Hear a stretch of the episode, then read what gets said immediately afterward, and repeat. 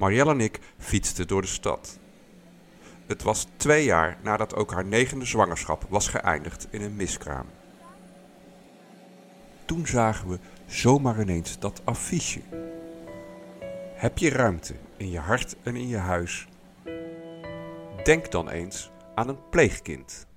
We keken elkaar aan en nog diezelfde avond gaven we ons op voor een voorlichtingsbijeenkomst. Het is nu ruim tien jaar later en vijf pleegkinderen hebben het leven van Marielle en mij door elkaar geschopt, aan het wankelen gebracht, onderuit gehaald, maar ook enorm verrijkt.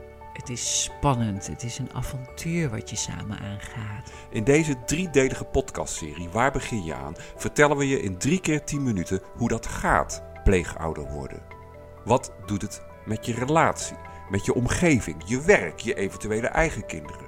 Wat voor hulp krijg je? Krijg je er geld voor? En gaat het ook wel eens helemaal mis? Kinderen zijn een, een spiegel voor je, dus je wordt heel erg geconfronteerd met je eigen gedrag, met je eigen jeugd. In deze podcastserie vertellen we je ons eigen verhaal, maar ook dat van Marlene, die samen met haar man een thuisboot aan maar liefst 75 pleegkinderen. Dan denk je van, eh, ga ik dit vol kunnen houden? Want de, de eerste is zo'n zware dobber, maar hij was zo lief. Als je, als je naar hem keek, dan ging je smelten. We vertellen het verhaal van Jan, die Marielle en mij al inspireerde tijdens de begincursus met zijn prachtige verhalen als ervaren pleegvader. Uiteindelijk zijn er maar twee emoties. Weet je wat, dat is liefde en dat is angst. En als je alles naar liefde brengt, dan ben je er gewoon. En tenslotte vertellen we je het verhaal van Isabella. Die dacht dat haar gezin er wel sterk genoeg voor zou zijn en een paar maanden geleden begon aan crisisopvang. Ze zeggen ofwel broertje of pleegbroertje. Dan glundert hij als ze broertje zeggen. In dit eerste deel vertellen we je heel simpel hoe het begint. Hoe word je pleegouder? En wat gebeurt er allemaal met je leven als daar ineens een pleegkind binnenwandelt? Marlene's verhaal begint in Suriname, waar haar ouders naast hun zeven eigen kinderen ook altijd nog wel wat andere kinderen in huis namen. Het zit gewoon bij ons om, om elkaar te helpen. In lijn met deze Surinaamse traditie namen Marlene en haar man toen ze net getrouwd waren ook al bijna meteen een nichtje in huis. Ik was uh, toen twintig. En uh, toen zei ik van, tegen mijn oom van, mag ze bij mij komen wonen? En toen was zij zes. En zo is het zo een beetje begonnen. Toen Marlene en haar man eind jaren 70 naar Nederland kwamen, zagen ze op tv een item over pleegzorg. Het sprak hen aan, ze volgden samen de training en besloten het te gaan doen. Al een paar weken later werd een eerste plaatsing zorgvuldig voorbereid. Er was een maatschappelijk werker bij betrokken, een voogd, iemand van de kinderbescherming, maar terwijl alles nog in voorbereiding was, werd Marlene al gebeld. Het blijkt haar pleegzoon die al van zijn moeder heeft gehoord waar hij heen gaat en haar Marlene's nummer heeft gevraagd. Ik zit nog zo voor me. Een zondagochtend belt hij me op, zegt van ik ben Marvin. Ik moet eigenlijk morgen komen en uh, ik wil nu kennis komen maken. Alleen. Madeleine vindt het goed en de sirene op de achtergrond is gewoon van een auto die passeert, maar zal later wel symbolisch blijken. En toen kwam hij en uh, hij zag me, hij keek me in mijn ogen. Uh, toen was het gelijk goed. Ik zeg, maar ik moet naar het ziekenhuis. Dus als je het niet erg vindt, dan moet je nu naar huis. En dan zie ik je morgen. Toen zei hij van, nee, ik ga niet naar huis. Wat moest ze doen? Moest ze de jongen op de procedure gaan wijzen? Moest ze pleegzorg gaan bellen, de regels volgen? Of moest ze gewoon haar hart volgen?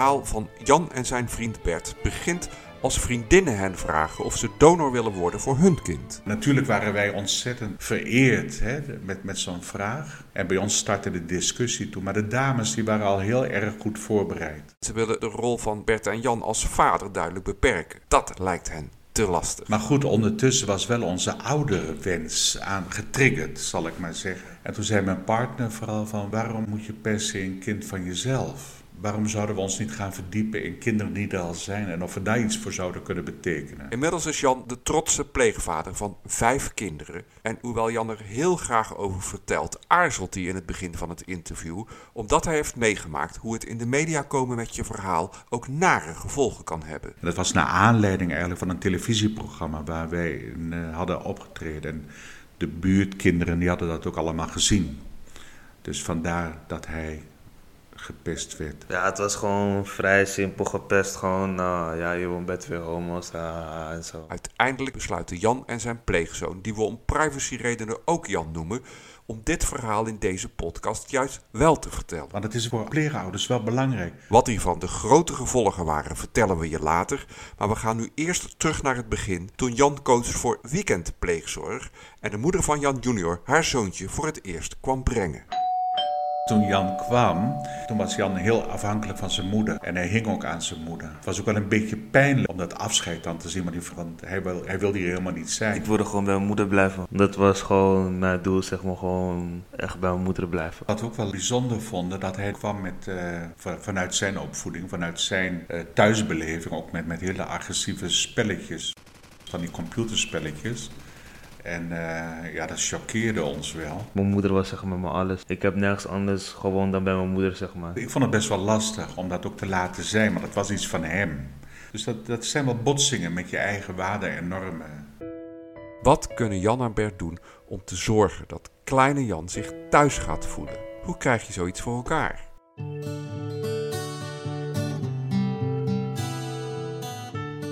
Verhaal van Isabella begint als ze naast haar zoon en dochter eigenlijk nog best een derde kind wil. Haar vriend Stefan zit daar minder op te wachten omdat hij ook nog twee oudere kinderen heeft. Voor pleegzorg weet Isabella hem wel te enthousiasmeren. Ze kiezen na de training samen met een dochter van 13 en een zoon van 12 voor crisisopvang, omdat dit tijdelijk is en ze zo eerst eens kunnen kijken hoe het bevalt. Ik dacht, laten we in dit gezin hun een oudste functie geven, zodat zij de weg kunnen laten zien. En, uh, dus ik heb altijd gezegd van 6 tot 10, van 5 tot 10, zoiets. Een tijdje later wordt hen gevraagd of ze een jongen van 8 willen opvangen, waar weinig van bekend is, behalve dat het niet goed met hem gaat. De dag zelf werden we gebeld van, het is om, om uh, 6 uur komt hij bij jullie. Ze richten zijn kamertje in, bereiden zich zo goed mogelijk voor en zijn er om 6 uur alle vier helemaal klaar voor. En toen werden we daarna weer gebeld van er zijn wat dreigingen bij het huis, we durven niet naar binnen, dus het wordt later. En toen werden we gebeld, het is misschien helemaal niet vandaag. En toen werden we weer gebeld, we doen het toch vandaag. Dus het was heel veel heen en weer, waardoor wij met echt een zo'n groeiend onrust kwam daar bij ons. Gelukkig waren de kinderen door, ook door pleegzorg goed voorbereid. Op een, op een geruststellende manier. En toen kwam Bas toch. Die kwam uiteindelijk om tien uur op zijn sokken met niks aan. Het was echt, het was echt aandoenlijk en echt wel heftig. Hij wou niet naar binnen, was bang dat hij gepest zou worden door de grote kinderen. En toen hij één keer binnen was met een soort van jogging pyjama-achtige en sokjes en kaal geschoren haar, zat hij op de bank te bibberen. En dan kreeg hij een kruik en een dekentje van mij. En hij zat nog steeds te bibberen. Het was echt een vogeltje. En die twee vrouwen die, die meekwamen, die hebben nog even een kopje thee gedronken om een klein beetje een overgang te maken. En, en dat was het. Toen was hij bij ons. Hij is gewoon uit zijn huis geplukt. Toen hebben we heel lang op de bank gezeten, met z'n allen. Iedereen was er zeg maar omheen. En je bent wel eigenlijk helemaal niks. Wat kunnen Isabel en haar gezin doen voor Bas, die absoluut niet naar het kamertje wil dat ze voor hem hebben klaargemaakt? Hoe geven ze hem een beetje het gevoel dat hij hier goed zit?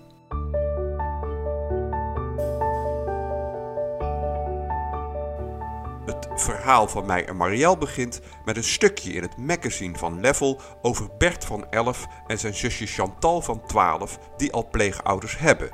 Die zijn heel gelukkig met hun kinderen, die we om privacyredenen Bert en Chantal zullen blijven noemen.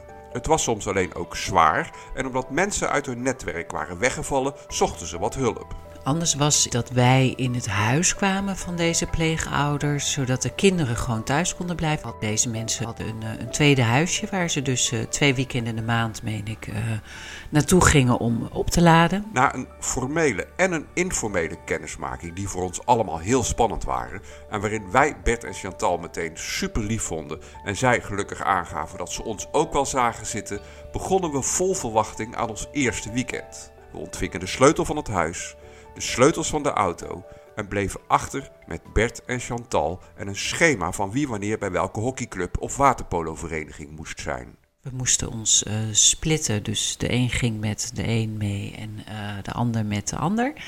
Dus wij zaten onderling te appen van... goh, ik, ik sta hier aan de kant van het hockeyveld en ze doet het hartstikke goed. Ik merkte al heel snel dat ik gewoon al, al trots was als, ze, nou ja, als ze gewoon uh, er snel bij was of scoorde of niet. Omdat het allemaal zo gemoedelijk begon... gingen wij er helemaal van uit dat we hierna gezellig samen zouden eten.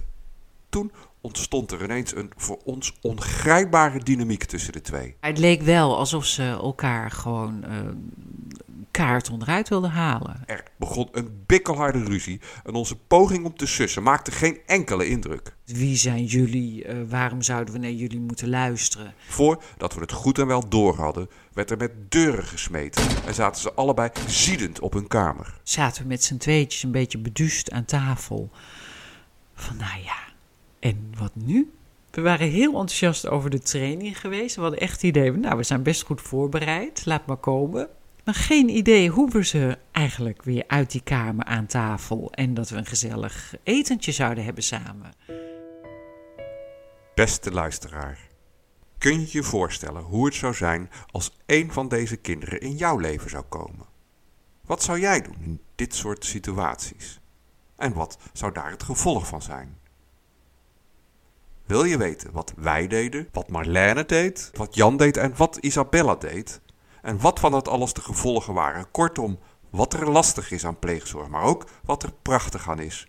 Luister dan verder naar deel 2 van de driedelige podcast Waar begin je aan?